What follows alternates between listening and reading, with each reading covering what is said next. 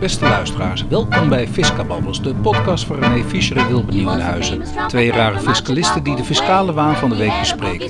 Dit is aflevering 34 van seizoen 2. Het is zaterdag 16 december 2023. Nou, gelukkig, we zijn begonnen. Ja, en, en, en je hebt er heel veel in gestuurd, maar het zijn allemaal wel kleine onderwerpjes, René. Uh, we nou, het was, moet, ik moet eerlijk zeggen dat uh, het komt weer op hoor. Het, is het begint weer wat, wat leuker te worden, wat afwisselender. En, uh, afwisselender en ja. je merkt dus, ja, kennelijk zijn de verkiezingen voorbij. Dus je ziet ook dat de lobbygroepen ook weer gaan produceren. Ja. Nou, je, je, had ook wat ingestonden stukjes waarvan ik ook dacht van ja, dit is ook weer zo, zo politiek getint. Als ja, maar, maar oké. Hey, we, ik zal ja, de onderwerpen even behandelen. maar weer even doen. We, beginnen even met uh, Amazon. Amazon. Daarna gaan we het hebben over uh, Nederland en belastingontwijking. Nou, over dat artikel had ik het eigenlijk. Ja, jij, jij viel meer over het andere artikel wat was ingestuurd over familiehypotheken. Uh, dan dan uh, vraagstuk over dividend uitkeren of niet. We gaan het hebben over een belastingambtenaar die zich verongelijk voelt, in de steek gelaten voelt door de staat. volgens de rechten ten onrechten.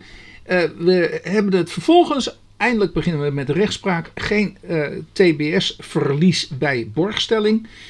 Um, dan, dan is een parkeerbelasting een boete? Een leuke vraag aan de Hoge Raad. Want uh, ja, het is gewoon een boete, toch? Maar ja, we hebben het gefiscaliseerd, zo moest het opeens gaan heten. Ook vanwege de nodige reden. Ehm, de Sociale Verzekeringsbank die mag personeels, sorry, persoonsgegevens verstrekken aan de Belastingdienst. Is iemand een pleegkind? Ja, dat haalde de Telegraaf. Extinction Rebellion is een ambi. Maar een oudere vereniging is niet een ambi. Die zet ik maar even lekker achter elkaar. Om de logica vooral te benadrukken hiervan. Uh, dan hebben we de btw-status van een ontbonden VOF. Het verbod op reformatio impius. Impius. Ja, en dan hebben we... Impius. Ja, ja, oh, ja, ja, jij, jij, Rome, jij komt uit Rome vandaan. Ja, nee. ik, nou, ik kom net uit de kerk vandaan. Dat ik... Oh ja, tuurlijk. Rooms-katholieke begrijp ik dus. Ja, ja nee. Zeker, zeker. Um, en dan hebben we een bewust lage prijs, betekent nog niet meteen schenken. Nee, je had uh, twee stukjes ingezonden. Uh, Amazon wint belastinggevecht met Europese Commissie. Nou, dat kwam uit het Financiële Dagblad. Uh, interessant. Uh, ik haal me ook maar even uit, uit TextLive. Europese Hof, het Europese Hof uh, van Justitie, die zegt dat er geen sprake is van een fiscale staatssteun voor Amazon. Nou, nou, dit is dus de hoogste rechtsinstantie. We hebben de vorige keer hebben we de Apple dingetje hebben we gehad. En dat was nog dat de AG zei van, nou ja, dit is, dit is niet goed gegaan. Uh, de hoogste rechter moet hier nog maar eens een keer een oordeel over hebben. Dus dat is dan de hoog, uh, de, het Europese Hof. Ja. Uh, nu heeft in de kwestie Amazon. heeft het Europese Hof van Justitie geoordeeld. dat de, de handelingen van Luxemburg. niet als verboden staatssteun kan worden gekwalificeerd. Dus dat betekent dus dat de opgelegde uh, boete, uh, opgelegde belastingaanslag eigenlijk, daar gaat het om, dat die dus uh, niet kan worden geïnd. En, maar er werd heel veel ophef over gemaakt. Ik weet niet of je dat nog kunt herinneren. Er waren een aantal, Amazon was dat groot aantal van die multibedrijven. Amazon, Apple en nog iets die dus gebruik maakten van bepaalde rulings, zoals dat heet, die werden uh, aangepakt. En de Europese Commissie die vond dat er dan sprake zou zijn van verboden staatssteun. En zo hebben ze dit ook ingestoken. En dit is eigenlijk ja, best wel een grote, waarvan dus werd gezegd van nou, er is helemaal geen sprake, of helemaal niet, maar er is geen sprake van verboden staatssteun. En dat, nou ja, goed, dat de komst daarvan. En eigenlijk toch wel een verlies van de Europese Commissie. Ja. Uh, nou ja, goed, in ieder geval, het is het doorstromen van royalty-stromen. Uh, ja, en waar gaat het eigenlijk om? Dat er uh, met die doorstroom van royalty-stroom, dat er niet, een, dat er niet iets blijft hangen. Dat, daar, zo hebben ze het geprobeerd op te lossen. En dat komt dus via. Maar even wat, wat er, er is dus een ruling gesloten met de Belastingdienst in Luxemburg. En, ehm, eh, en nu zegt in feite het Hof van Justitie, ja, nou ja, daar, daar is gewoon de fiscale regelgeving van Luxemburg, die is daar gewoon toegepast. En uh, die ruling, uh, daar hebben ze niet een bijzondere behandeling voor gekregen bij de toepassing van die wetten. Precies. Ja. Dus ja, uh, dan, dan houdt het een beetje op. Ja. Ja. Luxemburg, die was van mening dat er niets verschuldigd was. Hè? Ja. Althans, dat er voldoende winstbelasting was uitgekeerd. De Europese Commissie vond echter dat er meer belasting aan Luxemburg betaald had moeten worden. Dus de eigen Luxemburgse staat vond het dus niet. Hè? Maar dat zegt Ierland ook, hè? Ja, en, en, eh, ja, maar dan komt het dus op neer dat de Europese Commissie, die daagt dan eh, Luxemburg. eh, oh, nee, ja, ja, Ja, Luxemburg, ja. De staat Lu- Luxemburg. Luxemburg, even kijken, oh, de staat Luxemburg voor het Hof van Justitie. Ja. Ja, en die zegt, je hebt een, een ongeoorloofde staatssteun heb je, heb je toegepast richting Amazon. Ja. Ja. Nou, en, je- want je kunt wel zeggen, ja, Amazon die wint het, maar het is eigenlijk dan toch wel de Luxemburgse staat Ja. natuurlijk, die eh, op correcte wijze heeft gehandeld. Ja. Volgens van Ja, Justitie. maar dat is dan wel de bedoeling dat op het moment dus dat de staat wordt aangesproken, dat de staat vervolgens Amazon aanspreekt. Hè? Dus, dus, eh, ja, dus je klopt. krijgt dan eh, als het ware een naamingsaanslag of iets dergelijks. Ja. Ja. Ja. Nou ja, die- ja, navorderingsaanslag, winstbelasting. Ja. Nou, en, en dat, dat is behoorlijk lullig natuurlijk, want je hebt het portverdorie, je hebt het helemaal door middel van een ruling, heb je het afgestemd. Dus vooraf, Luxemburg hoeven we geen belasting te betalen. Ja, zegt Luxemburg, dat hoef je inderdaad niet. Je doet het hartstikke goed. Ja. En vervolgens krijg je dan vanuit de Europese eh, Unie eh, te horen van, hé, hey, eh, mag niet. Nee. Wel heel apart, hè? Dat, dat vind ik nog altijd heel erg. Ja. En, zou je toch denken, ja, dan heb ik toch een stukje. Ja, Ja, d- dus dat afkopen, dat gaat, dus niet, dat gaat dus niet op. Hè? Want dat heb ik dus ook begrepen. Nee. Ja, je moet, het, de- het bedrijf moet het betalen. eh, Ja. Uiteindelijk. Eh, Maar dan zou je toch bijna denken natuurlijk van, heb ik toch een, een, een onrechtmatig handelende overheid gehad. Die moet ik dan toch hiervoor aansprakelijk kunnen stellen. Dat, ik, dat ik nu schade leid. Maar zo mag het dan ook Nee. weer niet, want dan blijft het weer staatssteun. Precies. Precies, ja. ja, Dus- ja. ja. Ja, dus Luxemburg mag die rekening niet zelf oppakken. Wij hebben het fout gedaan, dus wij Nee. gaan het even voor je, voor je betalen. Nee, dan die- eh, heb je ook weer moeten dan bij. Ja.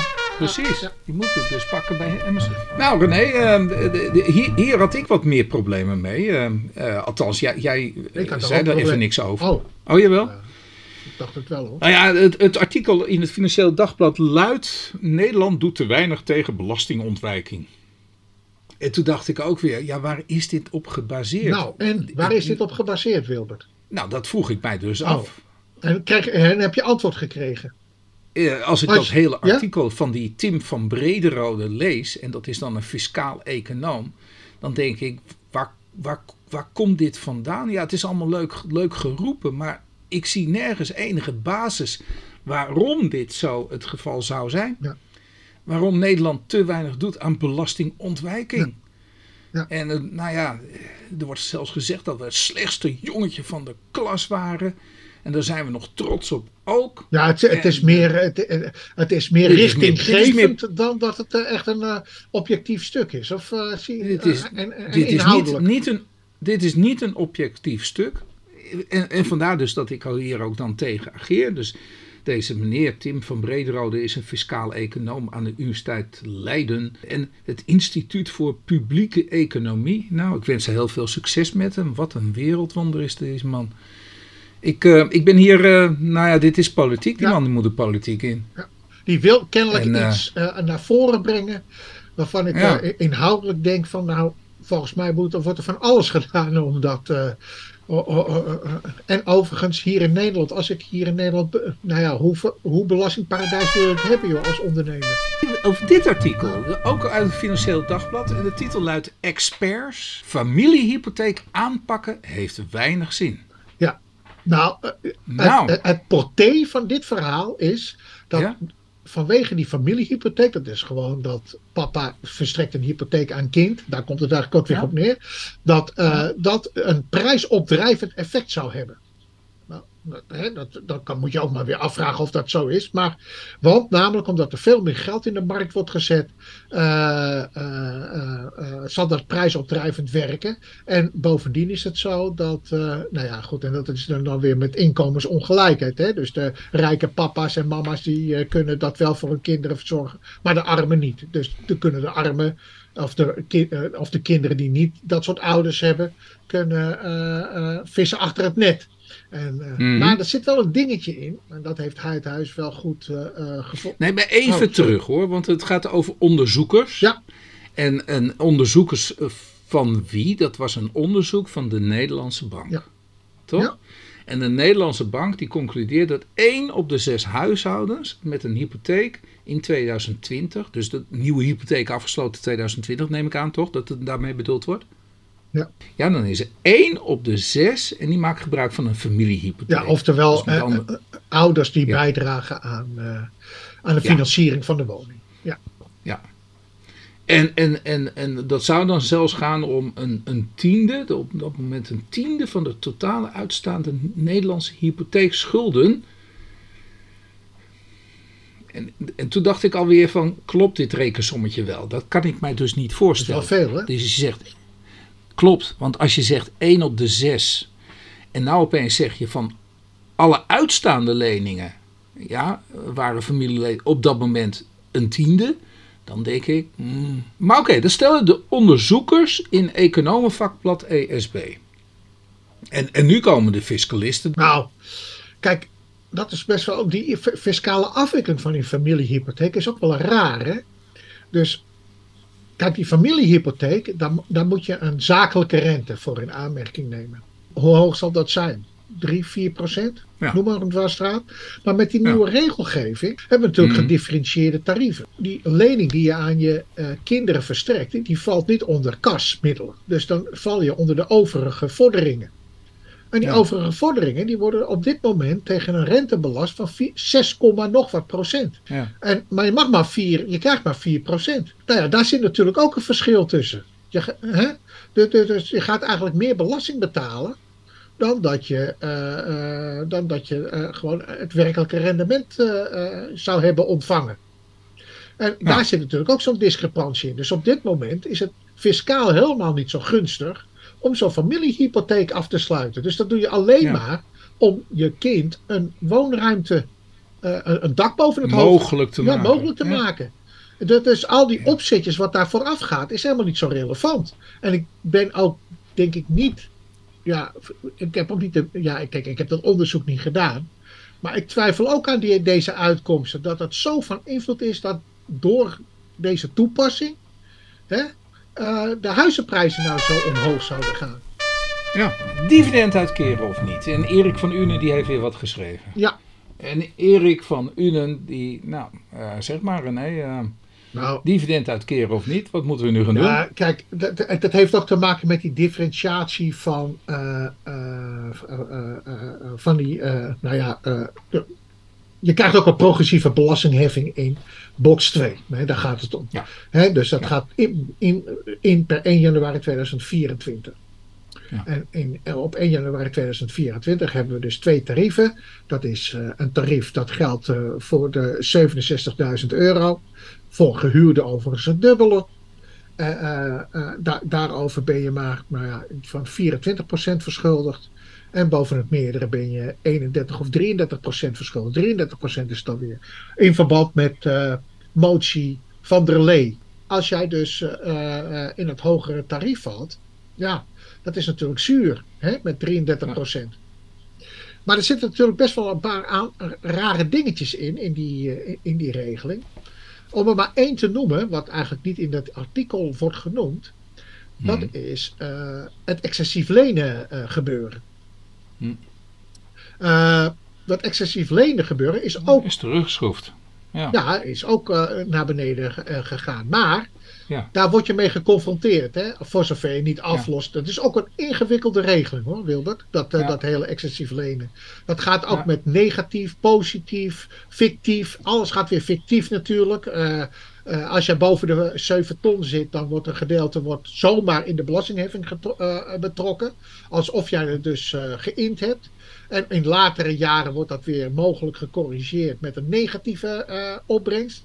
Maar met die correctie, daar wil ik naartoe, leidt natuurlijk ook om te kijken van joh, hoeveel uh, valt nou uh, onder dat hoge tarief en hoeveel valt er nou onder dat lage tarief. Want namelijk, dan mm. kom je niet eens aan normaal dividend uitkeren toe. Hè? Mm. Want ja, het is, het is een fictief iets. Hè? Het is nog niet eens vermomd dividend of iets dergelijks. Nee, het is gewoon alles vindt ook plaats in box 2. Hè? De dividendbelasting komt er helemaal niet bij kijken. Mm. Uh, dus dat is met het excessief lenen. En, en hij maakte ook een rekensommetje, dat vond ik eigenlijk ook wel een aardige. Maar dat gaat over, uh, over die heffingskortingen en die uh, oudere korting. En dat een en ander toch wel een rare bijwerking heeft met die afbouw van die heffingskortingen. die inkomensafhankelijke, ja, die heffingskortingen. hij schrijft ook de afbouw van de heffingskorting vanaf 2025 met de verzamelinkomen van box 1, 2 en 3 heeft een bijzondere, een opmerkelijke bijwerking.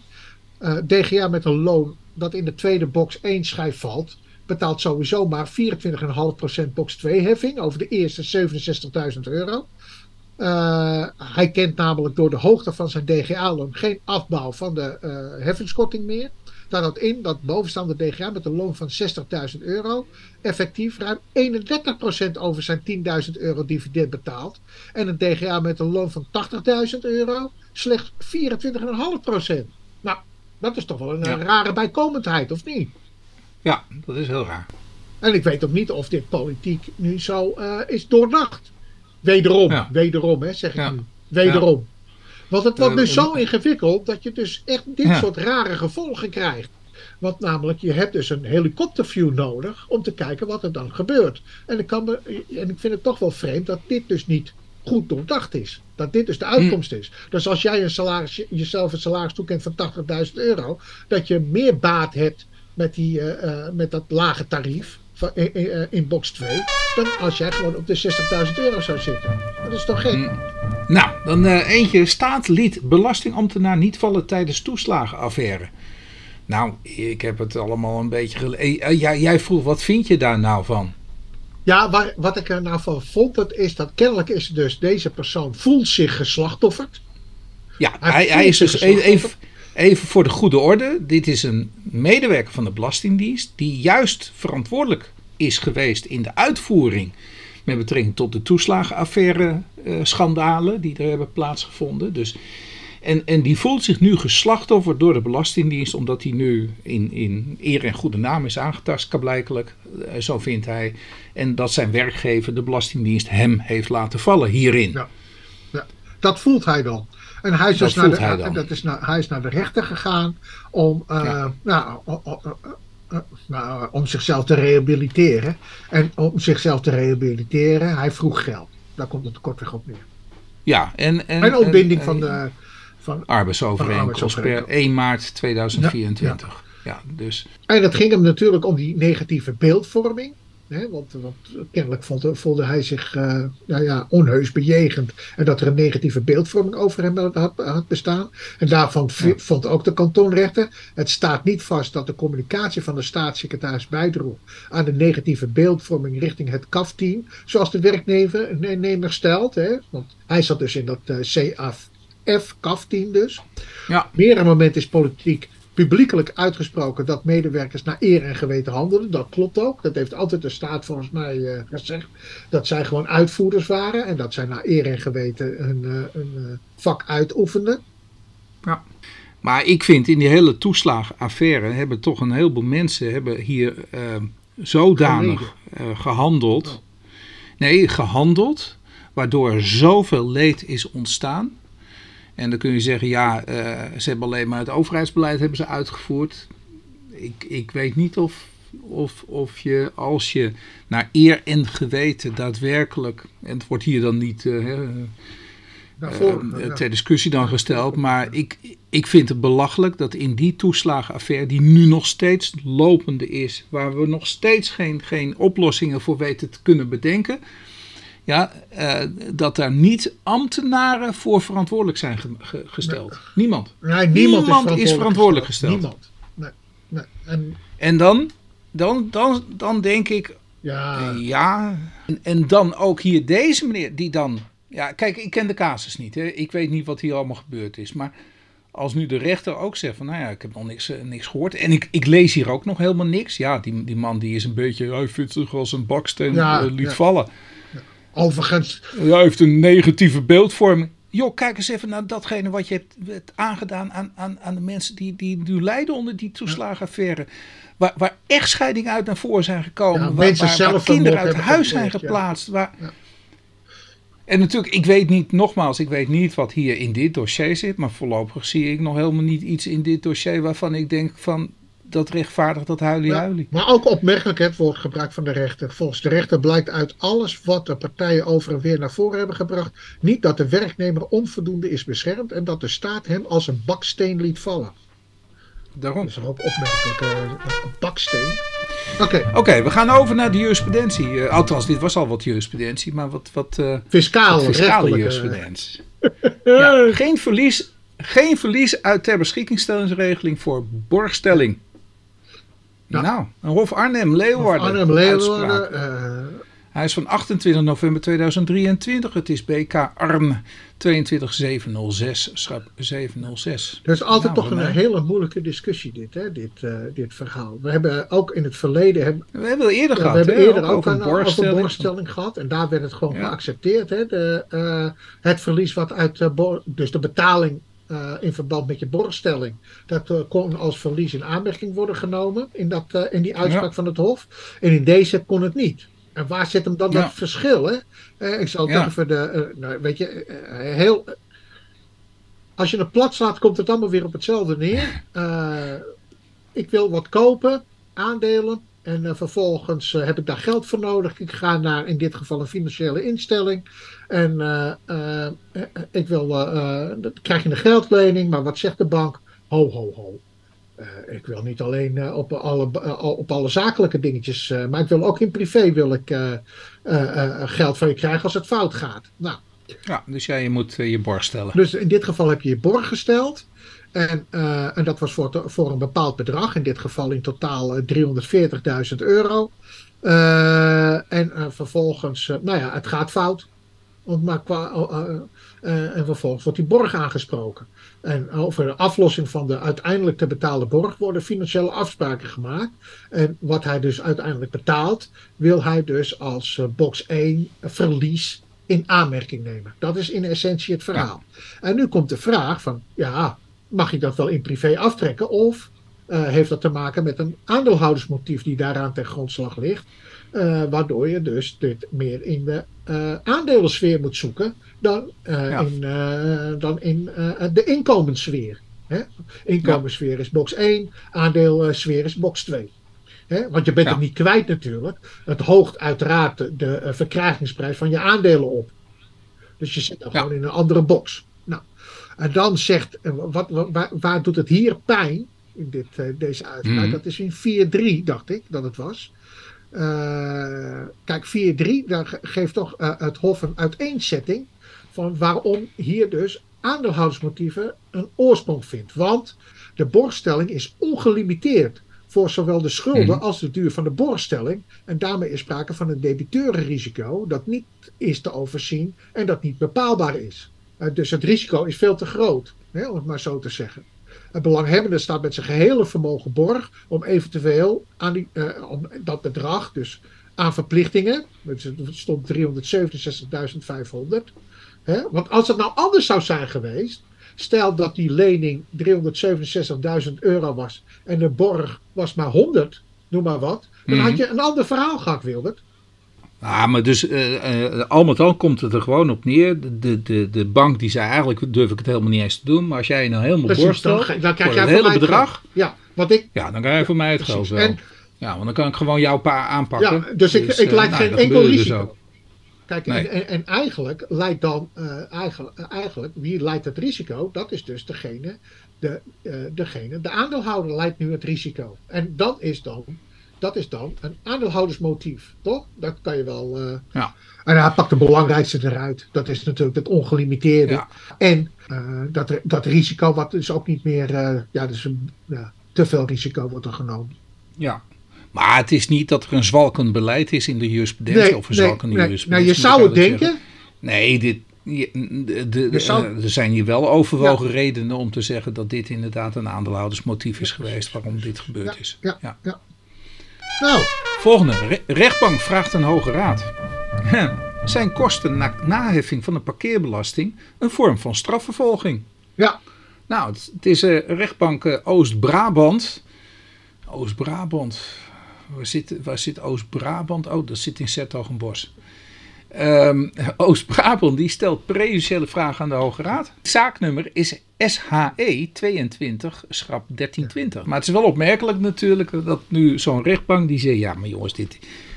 Laten we wel wezen, dit is gewoon een boete. Maar maar als, de boete toch al is... gezegd dat dat geen. eh, eh, eh, Nou, ik hoop maar dat het geen boete is, want dan, dan blijf je de vraag natuurlijk houden. Ja, maar zijn de kosten nu nog wel zo hoog? 3,71 euro aan parkeerbelasting en 66,50 euro aan kosten voor de naheffing. Nou, ik durf te zweren dat dat, dat, dat wel heel hoog is hoor. Met tegenwoordig de wijze waarop dit allemaal geïncasseerd wordt. ja, ja, toch? en gecontroleerd. Hè? Geïncasseerd en gecontroleerd. Gecontroleerd hebben ze ook al redelijk gematigd met die autootjes. En, eh, Nou ja, gematigd. Ik bedoel, het, het zijn autootjes die rijden langs en die flitsen en pas. Het is gewoon een verdienmodel Precies, geworden precies. van die gemeente. En, en ik hoop wel dat de opbrengsten natuurlijk van die parkeerbelastingen wel even goed in, in oogschouw wordt genomen natuurlijk of dit wel kostendekkend is. Want ja, maar eh, er zit dus, ik- als ik het zo goed had begrepen, zit er dus een- als het dus strafvervolging is, kan je op basis van coulance de boete matigen. Dus er kan er gewoon, Ja. Maar als het dus een verhoging is in die zin, dus het is geen, stra- eh, geen eh, strafvervolging, Nee. dan blijft het gewoon vaststaan. Want namelijk daar is geen ruimte voor. Er is geen, juridisch geen Ja, basis voor om dat ja, te dat doen. is één. Maar de, andere, maar de andere kant is dat als jij kosten gaat heffen, kosten in rekening gaan brengen, dan moet je niet meer in rekening gaan brengen dan de kosten. Precies, maar dat moet je Dus, anders op. eh, ja, dat moet je via een andere methode. Dan moet je gaan vragen van hoe ziet die kosten-baten-verhouding eruit. Ja. En daar zijn wij natuurlijk nu ja, mee maar bezig nu ook natuurlijk, deze. toch? Maar nu Dus- ook deze natuurlijk. Ja, nu krijg je deze nog eens een keertje dus, overheen. van, ja, je is- krijgt dus eigenlijk subsidiair, meer subsidiair en meer meer subsidiair, of niet, Wilbert? ja, ja. Nou, dan hebben we de- Raad van State in al zijn wijsheid. Ja, Dat eh Sociale Verzekeringsbank die mag persoonsgegevens verstrekken aan de Belastingdienst. Ja. ja, Ja. ja. ja het is, ja, toch eventjes, eh, ja, moeten we nog even de ECLI-nummer... Oh, oh, sorry. Oh, oh, sorry. het is van de Raad van State, het is van, eh, even kijken hoor, van welke datum is het? Ja, ik weet niet eens, joh, 2023. Ja, wat doe je weer lastig? 13 Het is december, 13 ja, december ik, ik, dacht het al, eh, ik dacht ook al dat ik het zo had gezien. 2023. En, en als je dan, eh, ja, eh, de, de nummers ben ik nu een beetje helemaal kwijt. Het is RVS 2023-4630. Ja, ja. Nou, zo kun je het ECLI-nummer vinden onder Ecli- RVS. Ja. punt. De- ja, Ja, ja, ja. ja. In ieder geval, waar het hier om gaat, dat is of de SVB in een bepaalde situatie de gegevens eh, van een eh, SVB-ontvanger mag doorgeven aan de Belastingdienst. En eh, de, even, even in het kort, de zaak was aangespannen door de vader van een minderjarig meisje. Hij vond dat de SVB de gegevens van zijn dochter niet mocht verstrekken aan de Belastingdienst, omdat hiermee inbreuk zou worden gemaakt op haar privacy. De Raad van State echter, en die beroept zich op efficiëntie, de efficiëntie en, en, en effectief, e- effectiviteit. Mm. Maar sympathieker vind ik toch die rechtbank Midden-Nederland. Vind ik sympathieker. Hè?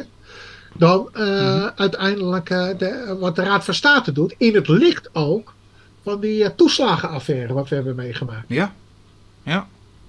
Ja, even, even waar, waar, waar zit nou jouw grote probleem, neem ik aan?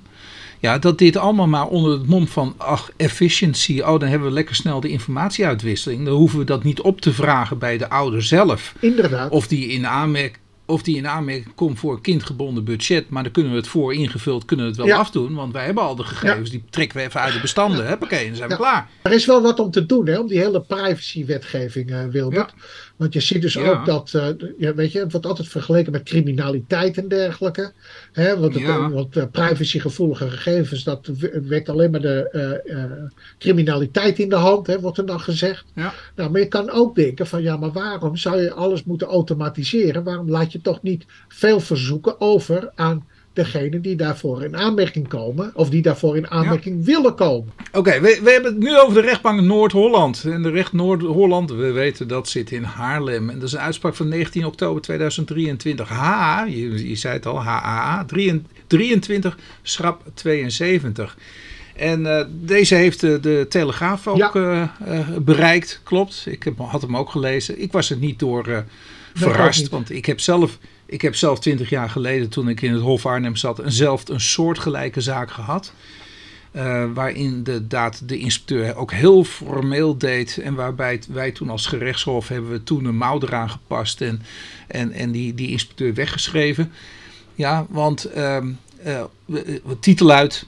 Erfgename niet aangemerkt als pleegkind. Dus een erfgename, iemand...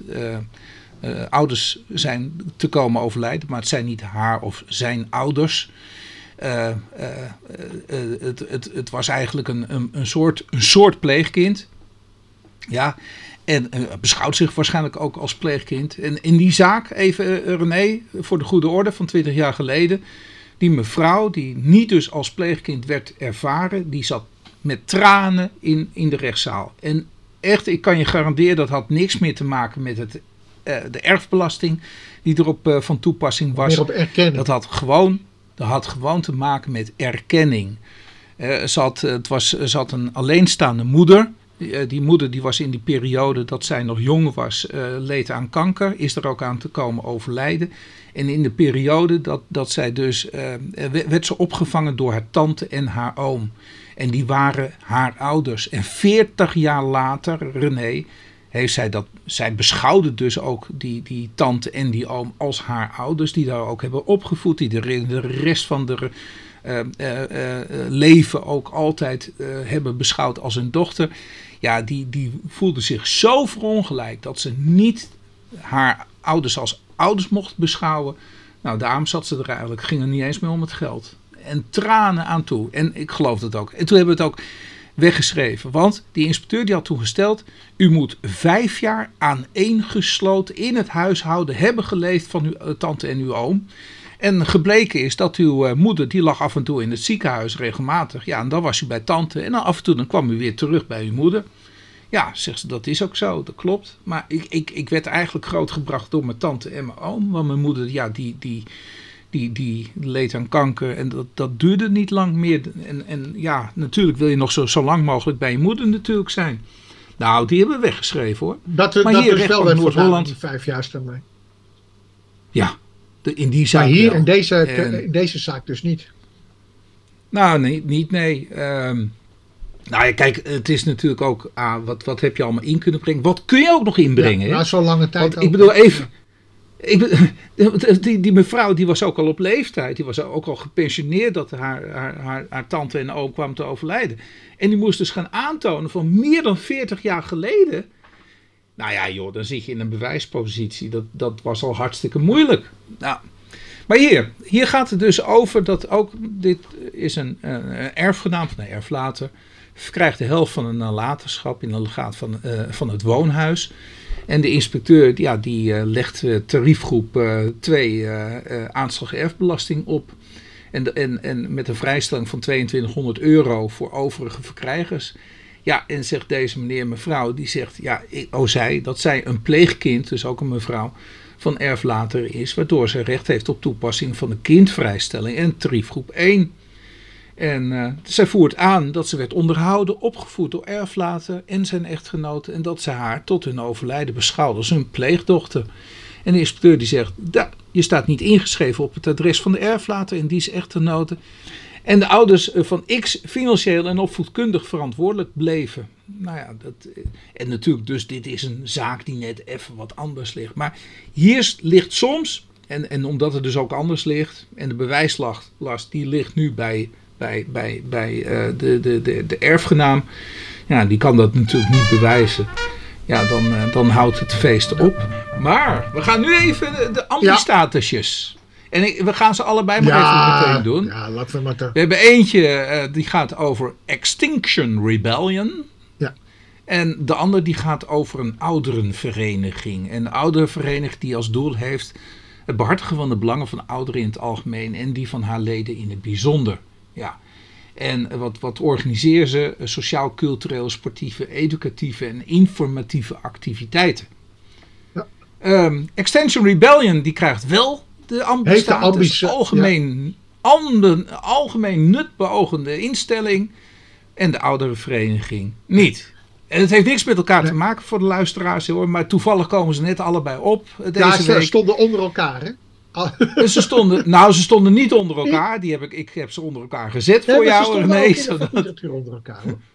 Ja, oh, okay. dus nou, aan de zoek, ene kant zoek, uh, kreeg je Extension Rebellion. Ik zal niet zeggen zoek de verschillen, want ik bedoel de verschillen die weten we wel, wel heel duidelijk. Maar, ja.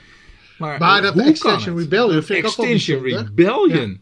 Ja. Hoe kan het dat die een algemene boog Nou, het heeft te maken met het feit dat er, dat er iets staat met maatschappelijke uh, belang. En het maatschappelijke belang is, is uh, een beter milieu. Hè? Dus, dus het streven naar een beter milieu. oh ja. En dat doe je door nee, maar de middelen die ze gebruiken. Haatzaaiingen, aanzetten tot geweld. Ja, ja, daar zit natuurlijk wel een beetje in. Hè?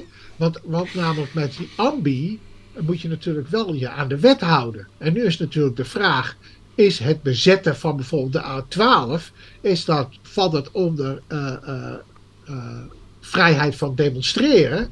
Of is dat wegblokkeren, een snelweg blokkeren, wat eigenlijk een strafbaar feit is? En ja. dat laatste, weet je, daar kan, daar, daar, daar kan je wel wat van, van, van over zeggen. En als je dus in strijd handelt met de wet. Uh, andere is een uitspraak van de rechtbank Zeeland-West-Brabant. Het ja. gaat over die oudere vereniging ja. dan. Datum. En, en daarin, kijk, daar is, zal misschien niet al te best, sorry, maar zal misschien ook niet best geprocedeerd zijn. Het, het, het grote belang van een ambistatus um, is, is eigenlijk nieuw. Ja, dat je bij, bij uh, schenkbelastingen en dergelijke kom je in aanmerking voor een vrijstelling. En degene die aan jou schenkt, die kan in aanmerking komen voor een aftrek. Ja, in de inkomstenbelasting. Ja, in de inkomstenbelasting. Ja. En dat is het enige. Oh ja, natuurlijk. En dan hebben we nog één belangrijk aan. Hè, dat is dat we de energiebelasting kunnen terugvragen. Als je uh, uh, voor jouw activiteiten inderdaad uh, de helft, gebruik moet maken van de een pand. Hè? Ja, sorry, de helft van de energiebelasting kun je terugvorderen. Hè, dat is een, een, mooie stimulering. Hoe kun je niet aantonen wat je exact doet? Ja, hè? Want precies. Dat is dus dat, ook, dat... X geeft onvoldoende inzicht in de verschillende activiteiten en werkzaamheden die zij gedurende het jaar verricht. Ja. En ten behoeve van wie deze activiteiten worden georganiseerd. Er, nou, Als een rechtbank dat ja. zegt, dat betekent dat, dat je gewoon totaal niks hebt ingebracht. Ja. Ja, uh, over deze hebben we het al een keertje gehad, toch? Althans, over, uh, het ging dus niet over de BTW. Nee, maar nu gaat het over de BTW. Ja, en nu gaat het over NAVS-aanstand. Nou, die wordt opgelegd aan een reeds ontbonden VOF. Ja, het gaat om 2011. Die is opgelegd in 2016. Kennelijk net voor ja. de vijfjaarstermijn. Vervallen van de vijfjaar. Nou, rechtbank Zeeland, West-Brabant, Bree 206272 van 16 november 2023. En het is een VOF en die houdt zich voornamelijk bezig in de handel in hondenpups. Oké, okay. ja, heb ik eindelijk weer een plaatje. Want ik moest weer een plaatje. Het is wel vervelend, René, want als je een leuk plaatje wil verzinnen, het is altijd maar de BTW, hè? Ja. Waar we een plaatje nou, bij kunnen verzinnen. Ja, dat is waar. Maar dat heeft ook, uh, heeft ook te maken omdat het ook een beetje ondeugend wordt dan. Hondenpups. Oké. Okay. Nou ja, we gaan hondenpups. Ja, maar, maar, maar, maar, je kan ook een plaatje nemen van, een, uh, van Extension Rebellion natuurlijk. Kan ook. Maar ja, dan denk je, denken ze meteen dat wij uh, tot, tot die groep zouden behoren. Kan ook, hè? Of je kan een plaatje nemen over uh, een, een, een pleegkind. Hoe moet je bij Extension, Extension Rebellion moet je dan denken? Dan, hoe ze dan op die, de A12 zitten te bezetten? Ja. Of, nou, daar heb je toch een plaatje van in die, in die, in die oh, ja. tunnel. Oké. Okay. Dat, okay. dat had gekund. Dus ja, ik zou gewoon kiezen okay. voor een hondenpups, want het is veel liever. Ik hou wel van lief. Ja, maar de, ja. Waar zijn we nou mee bezig? Oh ja, er was een VOF. Ja. Dus een VOF die, die handelt in hondenpups. En, en, en, en per 1 januari 2013 is haar onderneming, dus van de VOF, geruisloos ingebracht in een BV. En XVOF is op 4 februari 2013 ontbonden en op 6 februari 2013 uitgeschreven uit handelsregister. Nou, dat gebeurt dus allemaal 1 januari 2013. Hè. De VOF slaat om in BV. En uh, ja, nou ontstaat er een, uh, een, discussie over: heb je wel voldoende B2 afgedragen in 2011? Ja, toen was die FOF er nog. En, maar die, discussie die ontstaat pas vijf jaar later in 2016. En in 2016 ligt dus de inspecteur naamsaanslag op. Ja, in wiens naam? Ja, op naam van de VOF. Want de VOF was in die tijd de belastingplichtige. Ja, want dat is nu het, rare in de BTW. Uh, dat de VOF, hetgeen maar een overeenkomst is, uh, die naar buiten toe optreedt, wordt beschouwd als de ondernemer. Dus ja, aan wie moet een inspecteur ja. dan een naamsaanslag opleggen? Ja, aan die entiteit, de VOF, want iets anders bestond niet. Want de maten zijn geen ondernemer. Nee, het is de VOF en de BV die was er überhaupt nog niet. Dus als ik ergens iets moet opleggen, moet ik dat wel aan een FOF doen. En wat doet nu de rechtbank Zeeland-West-Brabant? Die zegt, ja, maar dat kan helemaal niet. Dat, dat komt nu naar aanleiding van een arrest van de Hoge Raad. Ja. Van 18 augustus 2023. Ja. En, en ja, dat, is dus, dat is een paar maanden geleden. Eh, ten aanzien waarvan naamsaanslagen zijn opgelegd, ook aan een ontbonden VOF. En dan zegt de, de, Hoge Raad aan een vennootschap onder firma die niet meer bestaat, kan weliswaar een belastingaanslag worden opgelegd. Daar lijkt wat anders te staan. Maar in dat stadium is bekendmaken van die aanslag onder het hier toepasselijke onder, tot 1 januari 2019 geldende recht niet meer mogelijk. Precies. Maar dus na 1 januari 2019 kan het dus wel. Of zie ik dat nou verkeerd? Of lees ik dat verkeerd? En wat is er dan anders geworden dan? Maar ja, dat, uh, misschien als een luisteraar uh, luistert en ik denk van... Vorige keer zaten we hier ook mee te worstelen, hè? weet je ja. nog? Dat, dat we hier ook dat we dachten van, wat betekent dat nou eigenlijk? We, we, we, gaan naar de volgende. Maar deze vraag die ligt uh, open voor luisteraars die wellicht het antwoord hierop weten. Hoe, hoe, hoe zit het eigenlijk met, met VOS die niet ja, in het licht ook van, uh, van het arrest 18 augustus 2023. Ja. Oké, okay, verbod op reformatio in Peus. In Peus. Te laat in Peus. Ja. Ja, uh, te laat incidenteel beroep verhindert correctie oordeel rechtbank. Het is een uitspraak van het Hof Amsterdam van 9 november 2023, nummertje 22, schrap ze, uh, vier, uh, 47, 47. Nou, verbod op reformatio in peus. met andere woorden, even voor de luisteraar. stel, stel je, je gaat als, als belastingplichtig, als burger, ga je ergens tegen in bezwaar of beroep dan is het toch niet leuk als je, doordat je in bezwaar of beroep gaat, er, er, er later slechter uit de wedstrijd terecht uh, komt dan, dan je erin was gegaan. En, en dat, dat uh, houdt eigenlijk dat verbod op reformatio in PO's in. Dus uh, als, als jij een rechtsstrijd aangaat, je, je, komt ergens tegen in bezwaar of beroep, dan mag je die niet nog slechter uitrollen ja. dan je al zat. Maar hier is, er zit toch iets anders nog aan de hand. Maar dat, dat is het verbod ja. van reformatio en Peus. Peus, ja. Uh, maar hier is ook nog wat anders aan de hand. Want dit is dus in ho Je krijgt dus uiteindelijk. Het gaat dus om de proceskostenvergoeding. Je krijgt dus ten onrechte van een rechtbank proceskostenvergoeding. En dan wil toch uh, degene die dus die proceskostenvergoeding ten onrechte toekent, wil men corrigeren. Er is een vergissing heeft er plaatsgevonden. X die voert een aantal bezwaar- en beroepsprocedures tegen navorderingsaanslagen. Nou, X komt met okay. succes in bezwaar tegen de kosten bij de aanmaning in zaken de navordering 214. X komt in beroep bij de rechtbank voor een hogere proceskostenvergoeding. De rechtbank kent die abusievelijk toe op basis van overwegingen die een ander jaar betreffen. Dus een ander jaar kent hij dat voor het jaar 2014 toe de ontvanger berust daarin, maar X gaat in hoger beroep voor een nog hogere proceskostenvergoeding. Ja, dus wat hij al gehaald heeft bij de rechtbank, hij wil nog meer. En vervolgens zegt het Hof, oei, maar uh, ja, dan had eigenlijk uh, die ontvanger had incidenteel beroep moeten instellen, want daar komt het in feite ja, op dat heeft hij te laat gedaan. hoger beroep.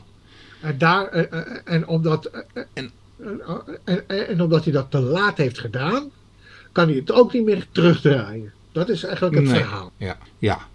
Maar oké, dat vind ik wel nou redelijk. ja, dan houdt hij wel gewoon die, onge, eh, on- eh, die per vergissing toegekende proceskostenvergoeding. Nou, dit, dit vind ik best wel redelijk hoor. Ja, Nou, ook, het is weer lang geleden dat ik dat eh, heb gehoord. dat ik mocht uitspreken. Nou, nu heb ik het wel, denk ik, wel tien keer van je gehoord nu. Dus, Niet van eh, mij. hè. Voornamelijk van jou. Jawel. Jij hebt het voornamelijk uitgesproken. Nee. Wel, Ah, schrijf je dat mij in de schoenen? ja, maar jij zat zo te benadrukken. Ja, Pius. Ja, Nou, dat zeg ik ja weer. natuurlijk. Ah, je moet terug naar de kerk, joh. hey, laatste. Bewustheid. Te lage verkoopprijs, onroerende zaken, onvoldoende om schenking vast te stellen. Het is een uitspraak naar de Hoge Raad. Een arrest van de Hoge Raad van 8 december 2023, afgelopen vrijdag. Ja. Oh, sorry, vorige week Vorige week vrijdag. vrijdag, En ja. Eh, het is nummer 23 01109, 1109. Nou, waar gaat het om? Het, Ja. het gaat om het volgende. Het, eh, eh, A, die verkoopt voor een bedrag onroerende zaken aan belanghebbende X, met wie hij onder huwelijkse voorwaarden is getrouwd. Hè, dus het is een interne verkoop eigenlijk hè, binnen, binnen een gezin, echtpaar. Ja. Omdat er een hypotheek Ja. van 300.000 euro op deze onroerende zaken betaalt A ook nog een bedrag van 66.000 euro aan X. Eh, naar aanleiding van een onderzoek van de FIOD legt de inspecteur een aanslag schenkbelasting op aan X. Uit het onderzoek blijkt namelijk dat in het faillissement van EBV het vermoeden is gerezen dat A goederen aan de boedel heeft onttrokken. Dus dat is paulineus handelen. Mm. Verder blijkt dat in een taxatie ten onrechte rekening is gehouden met bodemvervuiling. Nou goed, allerlei eh, zaken worden er eh, eh, van stal gehaald.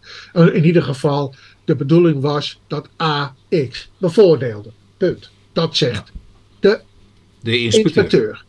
En nu zegt het, de getaxeerde waarde van de onroerende zaak is volgens de inspecteur dan ook te laag. Hof Arnhem oordeelt dat er sprake is van schenking en dat X en A zich daarvan bewust waren. Het gaat hem om het Hmm. bewust. En volgens het Hmm. Hof wilde A zijn vrouw ook bevoordelen. Omdat Hmm. hij wist dat de onroerende zaken zonder verontreiniging meer waard zijn.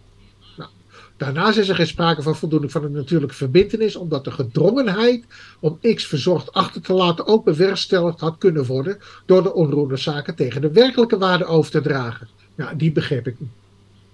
Nee, Begrijp jij dat? Ja. Nee, begrijp ik ook niet. En daarom, Die overweging van het Hof. van het Hof, ja. Nee.